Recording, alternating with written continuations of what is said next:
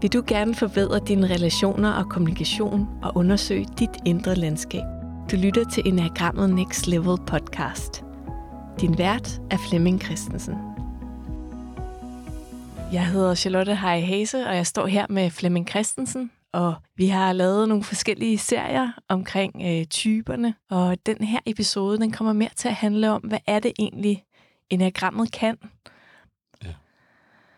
Så ja, nu har jeg jo dykket ned i enagrammet et års tid. Jeg føler mig stadigvæk øh, rigtig ny til det. Det er jo interessant, i starten har jeg dykket meget, dykket meget ned i typerne, og hvad type er man selv og de nærmeste. Men jeg begynder at kunne se, at det, det, det er rigtig nyttigt i rigtig, rigtig mange sammenhænge. Og jeg vil gerne sådan starte med at høre dig. Hvad er det, hvad er det du ser, at enagrammet kan bruges til? Hvad kunne du godt tænke dig, at det er det, man bruger det til, når man nu kommer ind og, og begynder at snuse til det? Enagrammet er attraktivt og spændende og inspirerende at støde på, fordi den enagrammet fortæller os egentlig bare noget om os selv, som vi ved i forvejen. Og som der lige pludselig bliver sat ord på, eller struktur på, så man kan se sin svigermor og sin ekskæreste og sin teenage datter og sådan. Og enagrammet kan starte sådan en, øh, en bevægelse i det enkelte menneske hen imod noget. Ikke så meget væk fra noget, men, men hen imod et eller andet. Og de fleste, der går i gang med enagrammet, aner ikke, hvad det skal ende med. Men man kan godt, når man har været i gang nogle år, kigge tilbage og sige, wow, det var godt, jeg stødte på det, fordi det her har sat mig i bevægelse imod et eller andet. Jeg leger også med begrebet udvikling. Det, jeg er sådan lidt træt af det, fordi vi skal alle sammen udvikle os. Vi skal alle sammen forbedre os. Det er som om, at vi er gået i stykker og skal repareres. Og de tidligere bøger om enagrammet handlede også om øh, ni typer, der var gået i stykker, og hvordan de så kunne blive hele igen, eller rettes op, eller korrigeres, eller samles. Jeg tænker mere om, at vi skal frelægge os noget.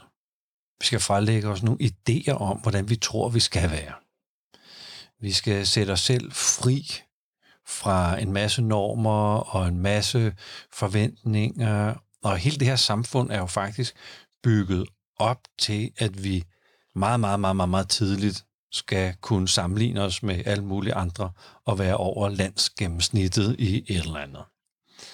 Så hvad med øh, at kigge på enagrammet som noget, der hjælper mig med at få øje på det, jeg ikke skal slæve rundt på længere? Idéer om mig selv, forventninger, øh, om, om, som måske ikke engang er reelle. Det kan være, at jeg bare har lavet dem. Øh, det kan være, at det ikke engang er, er, er, der er forventninger, men jeg kan lave dem til mig selv. Fordi alt omkring mig er forventningsstyret fra meget lille, lille, lille alder, hvis man kan sige det sådan. Og enagram for 10 år siden opdagede jeg, at enagrammet i sig selv kun, og det er jo meget stort, men det, det faktisk kun kan bruges til at få indsigt med. Så hvis jeg står med en indsigt om, at jeg så relaterer mig til type 3, så kan man jo egentlig bare sige so what. Mm. Så hvis det ikke gør en forskel, så, så har jeg måske bare underholdt mig selv et, et stykke tid øh, med, med at vide noget endnu mere om mig selv. Så kan jeg tage en ny test, eller bruge alle mulige andre persontype værktøjer til at vide endnu mere om mig selv. Men hvis det ikke sætter gang i bevægelsen, så er det jo lige meget. Så enagrammet kan bruges til at se mig selv, og det findes, tror jeg, i tre udgaver.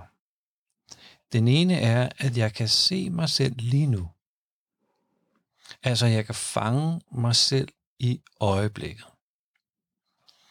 Så hvis nu jeg kommer til at sige noget dumt til nogen, det kan være nogen nede i køen, eller det kan være til en ekspedient i supermarkedet, det kan være til min elskede, så kan det godt være, at jeg kan fange mig i øjeblikket, hvor impulsen er der, og så lade være med det.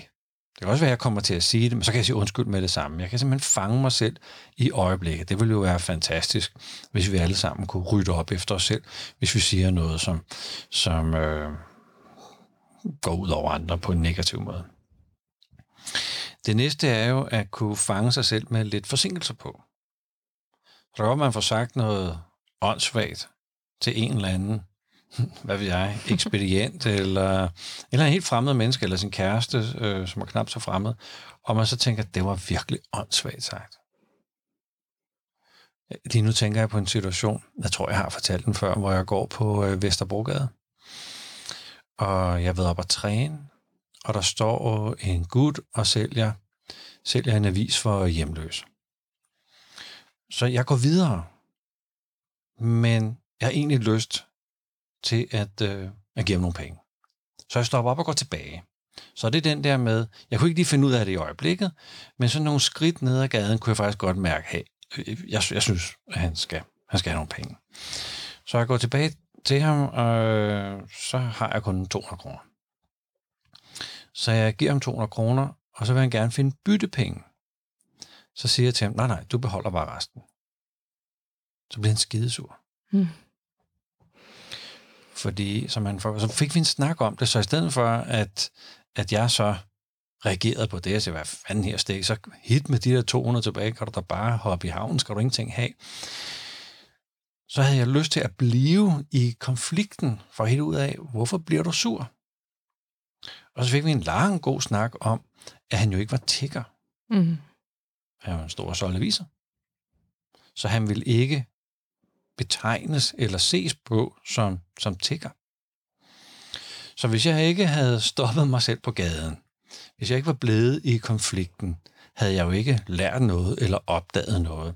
Så det der med at kunne gøre noget på delay, og så udholde en ubehagelig situation eller en konfrontation, det må være, det må være næste skridt. At hvis man siger noget tosset, så kommer man lige tilbage og siger, hvor du er. Sorry, eller nu skal du bare høre. Og den sidste er, hvor jeg overhovedet ikke opdager, at jeg påvirker andre mennesker med den måde, jeg er på. Mm.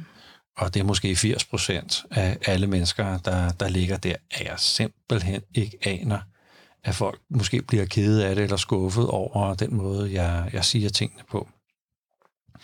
Og derfor øh, bliver nødt til at lave nogle forklaringer på, jamen, så er det jo ubegavet, siden de ikke forstår det, eller de tager også ting alt, så nær, alt, alt for nært, så man ikke kan sige noget som helst, så bliver folk skide kede af det, og sådan nogle ting. Så det må være deres problem. Jeg er ligesom som jeg er.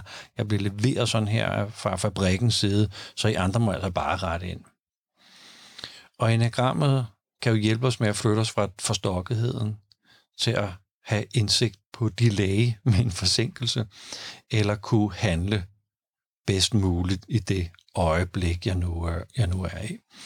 Og hvis nu enagrammet bare kunne gøre det, så, så er vi jo kommet fantastisk langt ja. i alle relationer, alle samarbejder, professionelt øh, og, og privat. Det ville jo være, det ville være gigantisk. Men der er mere til. Der er mere til, men jeg tænker, var det sådan noget, du, du tænkte, tænkte på? Ja, ja. ja altså, altså, hvordan tænker du, at viden om enagrammet og typerne kan gøre, at vi fanger os selv der, hvor at vi måske bagefter siger hov, øhm, eller i øjeblikket, hvis det er allerbedst, hvad er det, der gør, at vi bliver bedre til det? Jeg har øhm, arbejdet med et begreb, som jeg kalder øh, niveauer for selvindsigt. Og det ligner lidt nogle af de niveauer, man ellers arbejder med, øh, hvor Don Richard Riso og Ross Hudson oprindeligt lavede niveauer, levels of health eller levels of development, hvor Ross Hudson nu kalder dem levels of presence.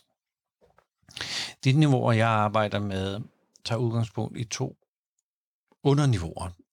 Den ene handler om at modnes som menneske, at vokse op som menneske, at blive mere ressourcefuld. Så det her med, at der er en lille krise, for eksempel her i morges, så finder jeg ud af, at du troede, vi skulle være klokken 10, og jeg tænkte, nej, i min kalender står der klokken 11. Det var jo en lille krise. Kan jeg håndtere den? Kan jeg, kan, kan, jeg, kan jeg, og hvis nu der var nogen hjemme, kunne jeg så forklare dem, nu skal I bare høre, kan godt at vi skulle hygge os med et langt morgenmad og have tid til det. Det skal vi så ikke, fordi jeg har lavet en fejl. Jeg, jeg skal simpelthen afsted.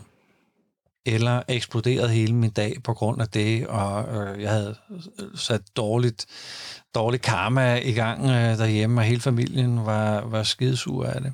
Øh, så kan jeg håndtere, kan jeg håndtere kriser, kan jeg, kan jeg modnes, kan jeg stå op for mig selv, kan jeg sætte grænser, kan jeg have et ordforråd omkring, hvad der er, der er vigtigt for mig, kan jeg kan jeg arbejde i teams på arbejde? Kan jeg håndtere den konflikt? Fordi der er altid konflikter, når vi er sammen. Så den konflikt, der vil stå, opstå i mit parforhold, kan jeg håndtere det? Kan jeg opdrage mine børn? Altså kan jeg modnes som menneske? Og jeg tænker, der, der er tre ting, der, der følger mig alt, hvad jeg laver.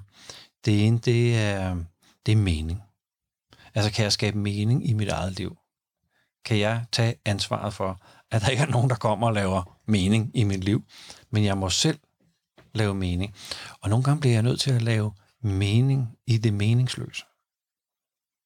Altså hvis jeg oplever meget, meget, meget stor sorg og store tab, som jo kan være helt meningsløst, kan jeg så skabe mening ind i det? Mm. Eller, eller knækker jeg, giver jeg op? Det tænker jeg, det handler om at modnes. Så den anden ting, der altid følger mig, det er lederskabet.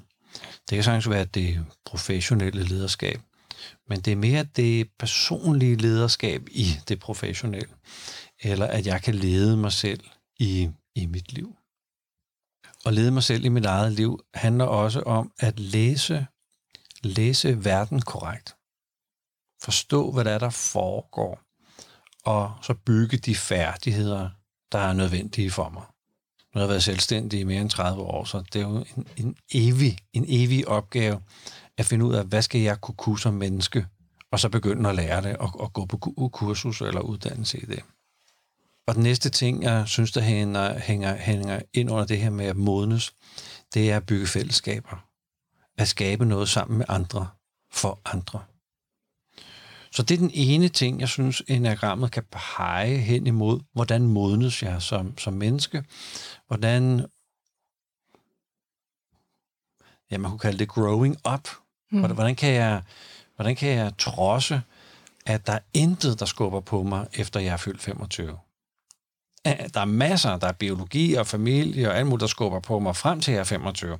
Men så er jeg ligesom efterladt i, øh, hvad skal jeg så her nu? Så du skal blive ved med at modnes. Du skal blive ved med at udvikle dig.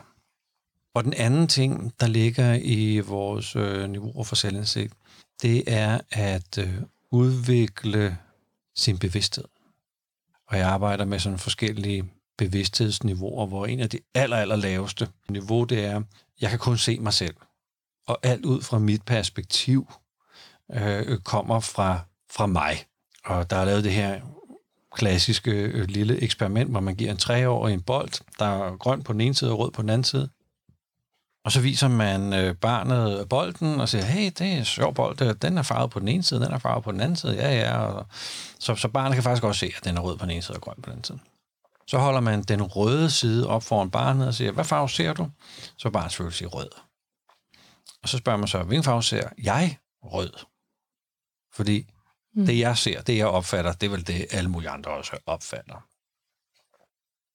Dyr bor der. Så, så det, jeg, det jeg ser, det, det, det er vel det, der er virkeligheden. Så kan vi stille og roligt komme op og opfatte noget fra dit perspektiv. Men jeg kan også komme til at gå en tur i mine sko, men mange forskellige mine sko. Jeg kan holde flere perspektiver for mig selv, som alle sammen er sande. Jeg kan lige pludselig se, at du har flere perspektiver, perspektiver i dit liv. Og lige pludselig kan jeg holde, at vi to har mange perspektiver, som alle sammen er ligegyldige. Og lige pludselig kan jeg se, at mange mennesker kan holde mange perspektiver, og det er nok rigtigt alle sammen. Så det kan vi også træne. Begge dele vil jo være nyttigt, når vi går på arbejde og derhjemme, og når vi skal samarbejde eller handle, ned, handle ind ned i Irma. Det vil jo være nyttigt. Enagrammet fortæller ikke, hvordan vi bygger de her nye færdigheder. Men enagrammet peger hen imod, hmm, kunne det ikke være interessant at kunne det her? Mm. Jeg har også lyst altså når du fortæller det her om, om det der med at stoppe op og observere og, og alle de her ting. Sådan, jeg havde en, en situation her i weekenden, hvor at, øh, at min datter på 6, hun havde en veninde på besøg, og det gik så godt, og øh, vi havde, jeg havde talt med forældrene om, at vi skulle lige sådan ramme der, før det går galt, fordi det, det er sådan en lang dag, ikke? Øh, og så lige pludselig, så er de udenfor, og så kan jeg bare se, der er tordenvejr. Den ene græder, og den anden står fuldstændig vred, og jeg går ud, og jeg kan mærke, det umiddelbare i mig, det jeg har lyst til at gøre, det er at gå ud og være dommeren, og sige, så stopper det, Øh, og selvfølgelig er det næsten min datter, der har skylden, fordi hun er ligesom været inde, og kan du så holde op, fordi ellers skal du ikke have nogen på besøg og øh, sætte dem for en tv. Gør et eller andet, så det bare dulmer, og så ringe til moren. Men, men der var jeg så i det der ubehag, ikke? og så jeg sådan, hvad, hvad er det, der sker, og kan du forklare det? Og de har jo fuldstændig misforstået hinanden, men er stadigvæk derude, hvor drifterne er, som du lige fortalte, den der vrede, min datter skriger og råber, og, og veninden græder og siger, nu har jeg ingen veninder tilbage. og, så, ja, og det ender jo bare så fint, fordi jeg holder, altså jeg, jeg, jeg lytter til dem, og øhm, til sidst så står vi alle sammen, øh, sammen, og de ender sådan med at kigge hinanden i øjnene, og så siger, siger den ene så, øh, skal vi ikke, jeg tror, at vi, vi var ret vrede, og jeg er lidt flov nu, faktisk. Øhm, og, og jeg tror, vi, vi altid er venner, men vi skal vi ikke sige, at vi ikke mener det, vi siger, når vi er vrede. Altså, det blev så voksent, ja. Ja. der da jeg fjernede mig fra dem. Ja. Altså, lige sådan lyttede, og så gik jeg ja. lidt væk, og så fandt de ud af det på den fineste måde. Nej, hvor smukt. Altså, men, men det kan, jeg kan bare mærke som forældre, og som, som den, der ligesom skal... Øh, man tror, man skal håndtere alle konflikter, eller få dem ned, og vi, vi har også nogle børn, hvor der er halvandet år imellem. Der har også været meget sådan, ikke? Men når man holder op med at være dommeren, men ligesom er nysgerrig på perspektiverne, ja. Ja så åbner der sig noget andet, ikke? Nysgerrig på perspektiverne. Ja. Altså, det virker. Ja, det virker. Det virker bare rigtig, rigtig godt. Og mange gange tror vi jo, at vi skal gøre noget. At vi bør gøre noget. At der er en rollefordeling i et eller andet. Og de her unge poder, de simpelthen ikke kan noget som helst, når vi skal støtte og passe på og afgøre for dem. Og nogle gange skal vi jo give ansvaret tilbage til rette ejermand. Ja. Og selvom det er nogle små størrelser, så det der med at, at være omkring dem, altså selv udholde det, som du siger, ikke? at du har lyst til at gå ind og gøre noget, men uh, lige er i situationen. Det er jo for mig både det at være modnet, det er jo en moden måde at håndtere det på, men det er jo også det at kunne holde flere perspektiver. Det er jo også en indsigtsfuld måde at se dig selv på i perspektiv til dem, dem i forhold til hinanden, og hvad skal der egentlig ske? Så man kan sige, hvis du ikke selv lige kunne det, så vil enagrammet kunne sige, vil det ikke være en god idé at kunne det? Så kan det pege på sådan nogle ting, at det vil være rigtig, rigtig nyttigt at kunne. Og så kan man bagefter gå ud og helt ud af, hvordan lærer man så det, hvis man ikke lige har det som naturtalent? Åh oh, jo, ja, jeg ved så ikke, om det er naturtalent. Jeg kan sige, der er rigtig gange, jeg, jeg falder i. Men, men det er jo sjovt, det der netop at observere, nu har jeg lyst til at gøre det her. Ja. Er det hensigtsmæssigt? Ja. Ja. Øh, og, og også at se den transformation, der i hvert fald var i dem, den stolthed, altså den glæde, ja. de havde. De var nærmest ja. endnu bedre veninder bagefter, ja. ikke? Altså, ja. de var gået igennem noget svært, ja. hvor de virkelig følte, deres veje skulle skilles lige nu. Skal vi ikke aftale, at vi ja. mener det, vi siger, ja, ja. når vi er sure? Ja, der er en del voksne, der kunne uh, tage den. Ja, ja. tage den med hjem. Ja. ja. Nej, hvor fint. Ja. Altså det... Og enagrammet er jo, øh, er jo sådan introduceret til os af en gut, der hedder Gurdjieff. Og han talte så godt nok ikke om, om typer, men, men alligevel så er det ham, der sådan har været, været inde med perspektivet på enagrammet, som vi andre har bygget, bygger videre på. Og han har sådan en, øh, en fortælling om, at anstrengelser, det er bare ikke godt nok. Og han fortæller en, en historie, hvis nu man, man er på vej hjem, og det er koldt, og det havler, og det regner, og det rusker, og man fryser, og man er sulten, og man har nu gået en times tid for at komme hjem, og så kommer man endelig hjem, og man kan se ind gennem vinduerne, der er varme, og der er lune, og maden står på bordet, så man går ind, og man sætter sig. Far mig det, det er en anstrengelse. Det er sådan, ja selvfølgelig, du skulle hjem, og du var på vej hjem alligevel, så, så, så det var der ikke nogen særlige ting, det var da bare at komme hjem. Og det kan da godt være, at det var koldt og sådan nogle ting, altså, men det var ikke nogen anstrengelse. Plus, at det var varmt at komme ind, en, en virkelig anstrengelse. Han kalder det en super anstrengelse. vil være, at du så lige tog dit tøj på og gik en time mere derude i det der sure vejr. For at, og det han siger, det er, gennem superanstrengelsen opstår der sådan en gnidning mellem den måde, vi er på og vores personlighed. Så vi faktisk kan se vores personlighed. Så vi skal ud i skænderiet med vores veninde, og der skal opstå den der friktion, så jeg kan se mig selv, så jeg kan se, hvad det er, jeg gør, når jeg er i den pressede situation. Så enagrammet hjælper os også til at forstå, at pres er en god ting. Det bringer os ud af komfortzonen. Det bringer os op i læringszonen. Og op i læringszonen, hvis nu presset ikke er for sindssygt, så vi bare lukker ned og skal bare skal overleve, så har vi faktisk mulighed for at opdage, hvordan vi responderer på automatpiloten. Og der er masser af gode grunde til, at vi skal respondere på automatpilot. Det, det er rigtig, rigtig fornuftigt, at hvis folk stiller mig spørgsmål, at jeg så kan svare med det samme. Det, det må gerne være sådan, der må gerne være noget automatpilot på det. Men når, auto, når automatpiloten bliver aktiveret under pres, så er det nogle overlevelsesmekanismer, der dukker op. Og det kan være, det kan også være psykologiske overlevelsesmekanismer, at jeg vil ikke føle mig ensom. Jeg vil ikke føle mig forladt. Jeg vil ikke føle mig forrådt. Jeg vil ikke føle mig forkert. Og så begynder jeg at forsvare mig. Og det kan godt være, at det er mig, der får mig til at føle mig forkert, men det er ofte initieret af min veninde. Du kom til at gøre noget, eller sige noget, eller et eller andet, så jeg nu føler, og er så blevet aktiveret på noget. Så nu føler jeg, enten at du mener, eller jeg selv mener, at jeg er forkert. Og så skal vi reagere. Så det er helt fint, der bliver reageret. Og enagrammet kan hjælpe os med, at det er okay, at vi reagerer. Det er okay.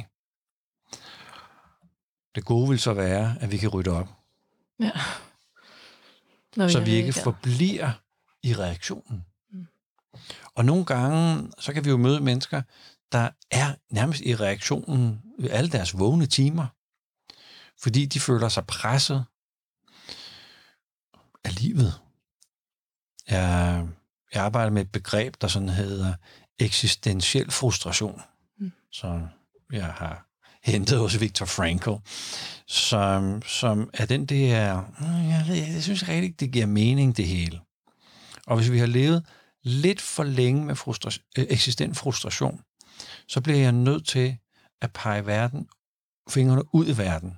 Det er samfundet, det er regeringen, det er dem op på øh, øh, øh, øh, øh, kontoret, det er mine kolleger, det er chefen, det er ham, der fyrede mig, det er hende, der gik fra mig, det er også nogle fuldstændig umulige unger, jeg har fået, whatever. Jeg, jeg peger ud af og begynder at beskylde. Og hvis der ikke er nogen, der svarer igen og siger, ah, sådan er det nok ikke, så kan jeg jo leve et helt liv og blive forstokket i den idé om, at det er de andres skyld. Men før det sker, kan vi jo opdage, at det er helt almindeligt at forsvare os. Det er helt almindeligt at beskylde alle mulige andre mennesker for alt muligt. Ja, når så det hele lige lægger sig lidt, så kan jeg jo godt se, at sådan forholder det sig ikke. Men når jeg er presset, så skal jeg beskylde andre. Det er simpelthen, eller mig selv. Det er simpelthen hele psykologien, sådan er vi bygget op. Og det hjælper enagrammet os også med. Enagrammet kan ikke fortælle os, hvordan vi sådan kommer ned på jorden igen, og hvordan vi løser en konflikt og sådan noget. Der må vi ud i byen og hente nogle værktøjer. Men, men det kan give os en rigtig god fornemmelse af, øh, jeg er bare menneske. Det er bare helt naturligt at gøre det her. Jeg er åbenbart ikke forkert ved at komme til at hæve stemmen. Nej, det er helt naturligt. Men, men det kan jo være lige så naturligt at rydde op. Mm. Det kan godt være, du føler, at den anden er en idiot, og det kan du gøre resten af dit liv. Ja, ja. Men der er også et, der er også et alternativ. Uh, enagrammet viser os noget om at være menneske. Det synes jeg er mægtig fint. Mm. Hvordan vi så lever vores liv som mennesker, det, der må vi ud i byen og shoppe værktøjer til det. Men enagrammet peger på, at vi bare er helt almindelige mennesker, der tuller rundt med hver vores. Mm. Altså. Det er jo Jeg ved, du også arbejder med sande og falske følelser. Altså ja. det der med, at man begynder at pege ud af på de andre. Det kan jo, altså, det er jo, det er jo ofte partneren, det går ud over, ikke? Og man kan okay. jo have sådan en lille humoristisk ting, hvor man siger, Nå, er det nu også min skyld, det der med bussen var forsinket, eller hvad det kan være, at, at hvor man lige får øje på, åh oh, ja, der var jeg vist over i, at øh, det er den, der er nærmest, der på en eller anden måde skal tage den. Og jeg tror, det der med, med udvikling, hvor, hvorfor det irriterer mig så meget, det er jo, der, der ligger i det, at vi er gået i stykker. Jeg tænker, vi er ikke gået i stykker. Vi er helt fantastiske. Vi er smukke, smukke, smukke væsener. Der er bare noget, vi skal give slip på. Vi skal give slip på blame. Vi skal give slip på frustrationen. Der er måske nogle antagelser, jeg skal give slip på. Om, jeg kunne da godt på vej herover tænke, det er ikke min skyld, at jeg er for sent på den. Det må være hende der Charlotte, som har lavet en bookingfejl, eller sådan noget. Det, det, det kan slet ikke lade sig gøre. Næ, næ, næ, næ, Og så begynder at spille en masse energi på, hvem der skal have skylden. Det kunne også give slip på. Mm. Og jeg tror, at når vi stille og roligt begynder at give slip på det, der ikke er nyttigt, der, ikke, altså, der er nogle gode ting, der er nyttigt, men det, der reelt ikke er nyttigt, så kommer vi til at handle i kærlighed og ikke i frygt. Og der er meget, meget, meget stor forskel på, når vi er sammen med mennesker, der handler i kærlighed til sig selv og dem omkring sig, måske livet øh, i sig selv, eller frygt, at noget er forkert, at jeg burde være anderledes. Det er nogen skyld. Der er noget, der er forkert. Der er noget, der skal laves om. Men jeg tror, for at komme i kærlighed, har vi givet slip på noget. Og så tror jeg, at for at give slip på noget, skal vi stå stille nok. Nærmest fysisk stille nok, så vi kan opdage, hvad det er, der har grebet om min måde at være på. Og så opdage, hvad det er for nogle greb eller kramper, jeg har i mine følelser, eller mine tanker, eller, eller så nærmest i min krop. Så jeg siger, det, de skal lige have lidt god massage, så de kan give slip. For der er ingen grund til, at jeg går og er forkrampet i mine tanker eller mine følelser. Mm. Så du mener, at, at alle kan give slip på de her? Fordi det er jo for mig et stort arbejde. Jeg synes tit, det kværner indeni. ja, ja, ja. Øhm, jeg tror, man skal passe på med alle og jeg er blevet udfordret af det her, fordi jeg har sagt, at det kan alle lade sig gøre. Men man kan jo være i en situation, hvor det faktisk ikke kan lade sig gøre, hvor man ikke har de menneskelige evner, eller at man er enormt syg, mm. eller at den hverdag, jeg er i, er så presset, at jeg nærmest bare lever fra time til time, eller minut til minut, eller stjæler mig selv til 10 minutter om aftenen, når jeg sidder på toilettet, før jeg skal ind til storfamilien igen, og bare sådan, åh. Så der er, der er helt klart omstændigheder, hvor jeg kan være i så overlevelsesmode, at, at lige der, der galt det ikke alle. Men jeg tror, at det bor inde i alle mennesker, at mm, at, være, at komme i flow. At bruge sig selv til noget meningsfuldt. Gøre noget godt for andre. Skabe noget for andre sammen med andre. Undgå faldgrupper i mit liv. Undgå at gøre andre mennesker øh, liv ringe. Jeg tror, det, det, ligger, det ligger i os. Lige ved siden af ligger der jo også det er mig, der skal først. Det er mig, der skal vinde. Jeg skal have mere end dig. Jeg skal banke din, øh, dit hold, fordi mit hold er bedre. Jeg skal op i hierarkiet. Jeg skal have bedre karakterer, bedre point, bedre position, mere i løn, større hus. Det ligger jo lige ved siden af.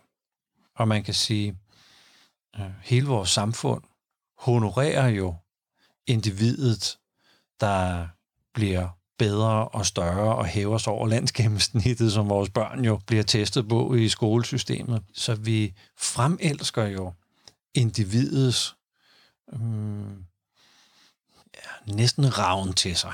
Ravn til sig af ressourcer og tid og goder.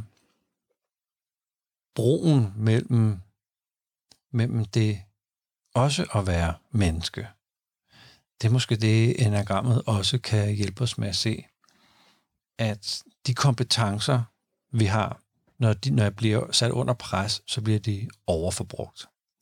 Så det kan være, nu har jeg selv en kompetence, jeg er ret produktiv. jeg var virkelig noget fra hånden, det er en kernekompetence.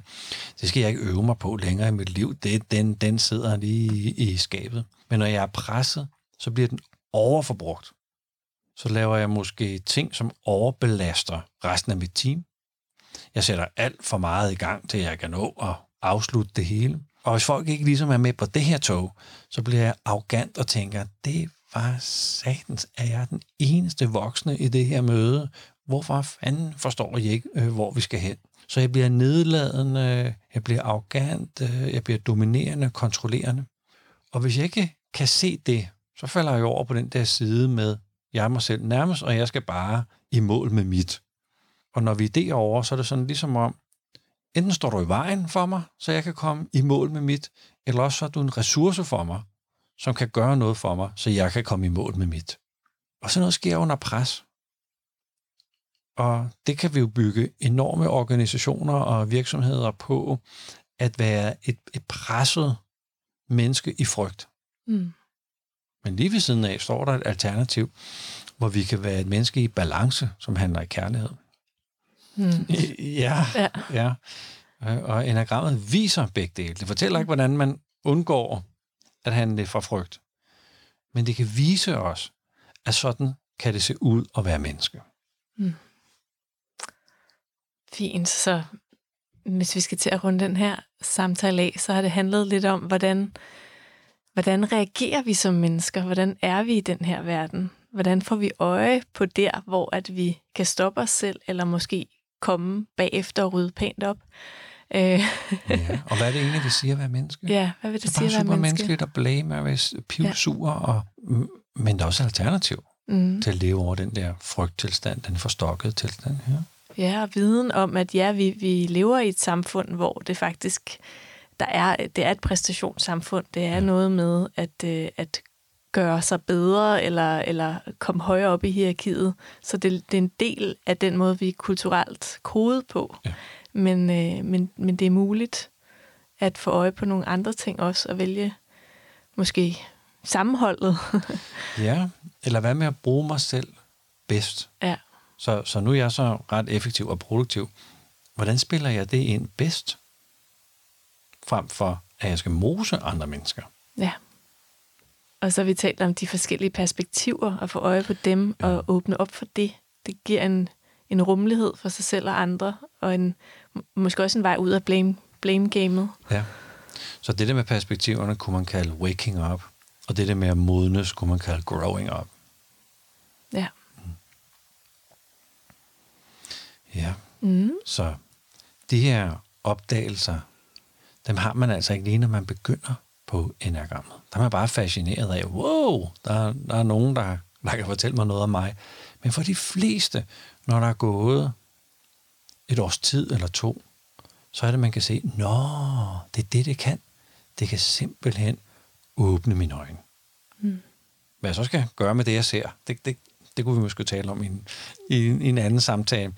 Men, men det er sådan lidt på, på, på afstand, at man opdager, at enagrammet hjælper os med at forstå, hvad det vil sige at være menneske. Ja, og at vi ikke er i stykker. Mm, ja, og det er godt. Ja at vi ikke er i stykker. Det er virkelig godt. Mm. Og vi måske ikke skal udvikles, men vi skal måske bare frelægge os noget af det, der ikke er nyttigt. Ja. Ja. godt. Nej, det var fint. Ja. Fin snak.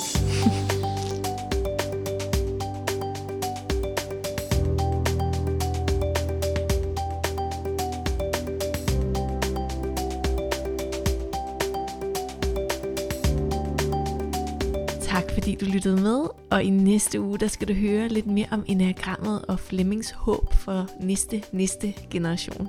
Og derefter så har vi faktisk taget bolden op i forhold til at interviewe typerne. Det startede jo med, at jeg øh, vågede mig ud som toer, Og, øh, og vi har simpelthen fået så mange henvendelser fra dejlige mennesker, der relaterer til forskellige typer, der gerne vil i studiet og indgå i en personlig samtale. Men det kræver lige lidt øh, koordinering, og vi glæder os helt vildt til at dele det mere. Så øh, bliv endelig ved med at påvirke podcasten ved at skrive til os, hvad I synes, der er særlig godt, og hvad I gerne vil have mere af. Og også hvis I selv vil, vil bidrage. Så tak for det.